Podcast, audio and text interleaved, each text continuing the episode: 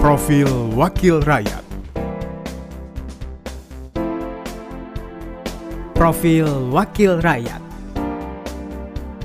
Profil Wakil Rakyat Pernah menjadi anggota DPRD Jawa Barat dari Dapil 8, lalu menjadi Wakil Bupati Cirebon, pengganti antar waktu yang menggantikan Tasya Sumadi. Tidak lama kemudian, memilih untuk menjadi wakil rakyat. Siapakah dia? Inilah profil wakil rakyat bersama saya, Amilatul Prisa. sebelum jadi anggota DPR pengalamannya mungkin dulu saya pernah di DPRD Provinsi Jawa Barat tahun 2004 2009 terus 2009 2014 terus pernah jadi wakil bupati dan PLT bupati terus akhirnya jadi anggota DPR RI. Saya pikir karir saya terakhir itu sampai dengan PLT bupati. Cuman pas waktu partai bilang kamu mundur ya dari wakil bupati maju jadi DPR RI. Terus saya mikir, waduh nggak ada persiapan. Karena waktu 2014 saya pernah maju jadi anggota DPR RI, kalah. Padahal waktu 2014 itu kan saya pernah jadi anggota DPRD Provinsi Jawa Barat. Di dapil yang sama. Duit ada nih. Nominalnya adalah berapa M gitu nggak usah sebutin. Punya nominal berapa M, di dapil yang sama, kalah pula gitu kan. Sementara waktu 2019 kemarin cuman jadi wakil bupati, PLT bupati nggak nyampe satu tahun, nggak punya duit pula, nggak sempet kampanye, nggak sempet ngapa-ngapain karena waktu jadi wakil bupati dan PLT bupati kerja tuh nothing tulus, cuman berpikir ya Allah gue kerja demi rakyat karena perintah partai kamu kerja yang tulus, perbaiki nama baik partai di sana bahwa PDI itu bisa besar di sana. Karena memang waktu itu orang lain ada kasus kan jadi orang lain yang berbuat saya yang cuci piring gitu kan. Eh, saya cuci piring sana tidak dalam kondisi apa-apa terus disuruh mundur suruh maju DPR RI mikir ya Allah gimana nih? Terus akhirnya papa bilang terus kata papa ya udah maju. Terus papa bilang gini sebetulnya papa tuh lebih seneng kamu maju DPR RI dibanding kamu jadi wakil bupati. Ya saat papa bilang kayak begitu karena di politik itu jabatan tertinggi itu DPR RI ya akhirnya saya cuma bilang Bismillahirrahmanirrahim aja deh. Karena pingin nyenengin papa aja. Ya, akhirnya saya kerja.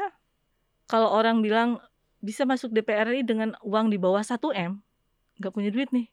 Bisa jadi kadarullah Allah yang menentukan Wanita kelahiran 20 Desember 1976 ini menempuh pendidikannya mulai dari SD sampai universitas di kota Bandung. Ikut terlibat dalam berbagai organisasi membuatnya memiliki wawasan yang lebih banyak tentang politik. Hingga perjalanan karirnya membawanya menduduki kursi dewan di Senayan. saya bersyukur bahwa saya masuk di komisi 8 ya komisi dunia akhirat orang bilang komisi air mata dan buat saya mata air. Artinya banyak hal spiritual yang saya dapatkan di situ dan akhirnya saya melihat bahwa segala sesuatu itu nggak bisa diukur dengan materi. Dan itu membuka uh, hati nurani saya gitu dan saya bersyukur sekali di situ. Dan yang membuat saya berkesan itu adalah pada saat saya bisa bersama-sama dan dari dulu sebelum saya jadi anggota DPR RI itu saya salah satu aktivis penggagas undang-undang TPKS jadi pas waktu masuk di sini kemudian saya masuk di badan legislasi dan masuk di panja undang-undang TPKS dan bisa menggolkan itu sampai sekarang saya masih tetap memperjuangkan menjadi undang-undang TPKS itu yang paling berkesan buat saya. Tercatat dalam survei sebagai anggota legislatif teraspiratif pada tahun 2022 untuk kalangan mahasiswa dan bisa diandalkan dalam memperjuangkan kesejahteraan rakyat. Upaya Sally dalam memperjuangkan hak-hak rakyat tidak lepas dari peran penting orang-orang yang berada di belakangnya yang menopang dan mensupport dirinya. Keluarga, orang tua, dan mungkin masyarakat yang ada di sekitar saya. Karena kalau tanpa masyarakat, kadang kita ada titik jenuh ya.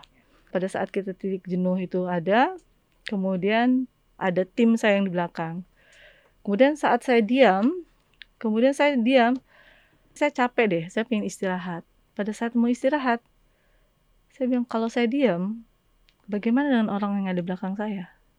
Jadi ibarat kata mungkin rezeki saya itu cuma segelas cangkir ini.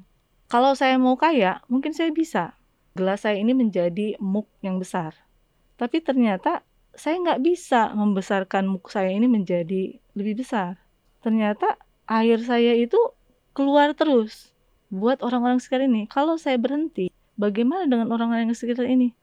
Akhirnya itulah yang membuat saya semangat lagi. Kalau saya berhenti, bagaimana orang yang ada di sini? Itu yang buat saya semangat.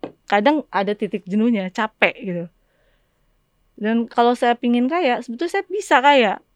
Tapi udah nggak punya hati gitu karena memang ada masanya ya dan saya akan menggunakan kesempatan kedua yang Tuhan berikan kepada saya ini untuk sebaik-baiknya. Semua yang dilakukan dan dikerjakan oleh Sally Gantina niatnya adalah untuk ibadah. Menghormati segala yang hidup, hak-hak, dan perasaannya, berjuang bersama untuk semua manusia adalah moto hidupnya dan terlampir visi misi di dalamnya. Buat saya berpolitik itu hal yang menyenangkan, bukan sesuatu yang menakutkan. Jadi berjalanlah sesuai dengan apa yang kita mau, learning by doing gitu. Do the best, berikan yang terbaik gitu. Dan selama kita masih punya Tuhan, nggak usah takut apa yang kita lakukan. Sally Andriani Gantina berharap kepada anak muda dan kaum milenial untuk menjadi tulang punggung di tengah era globalisasi sekarang ini. Supaya bisa menciptakan perubahan besar dengan bergotong royong membangun Indonesia.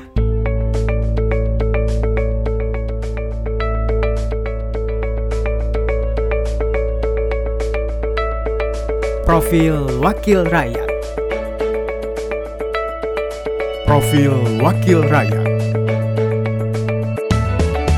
Profil Wakil Rakyat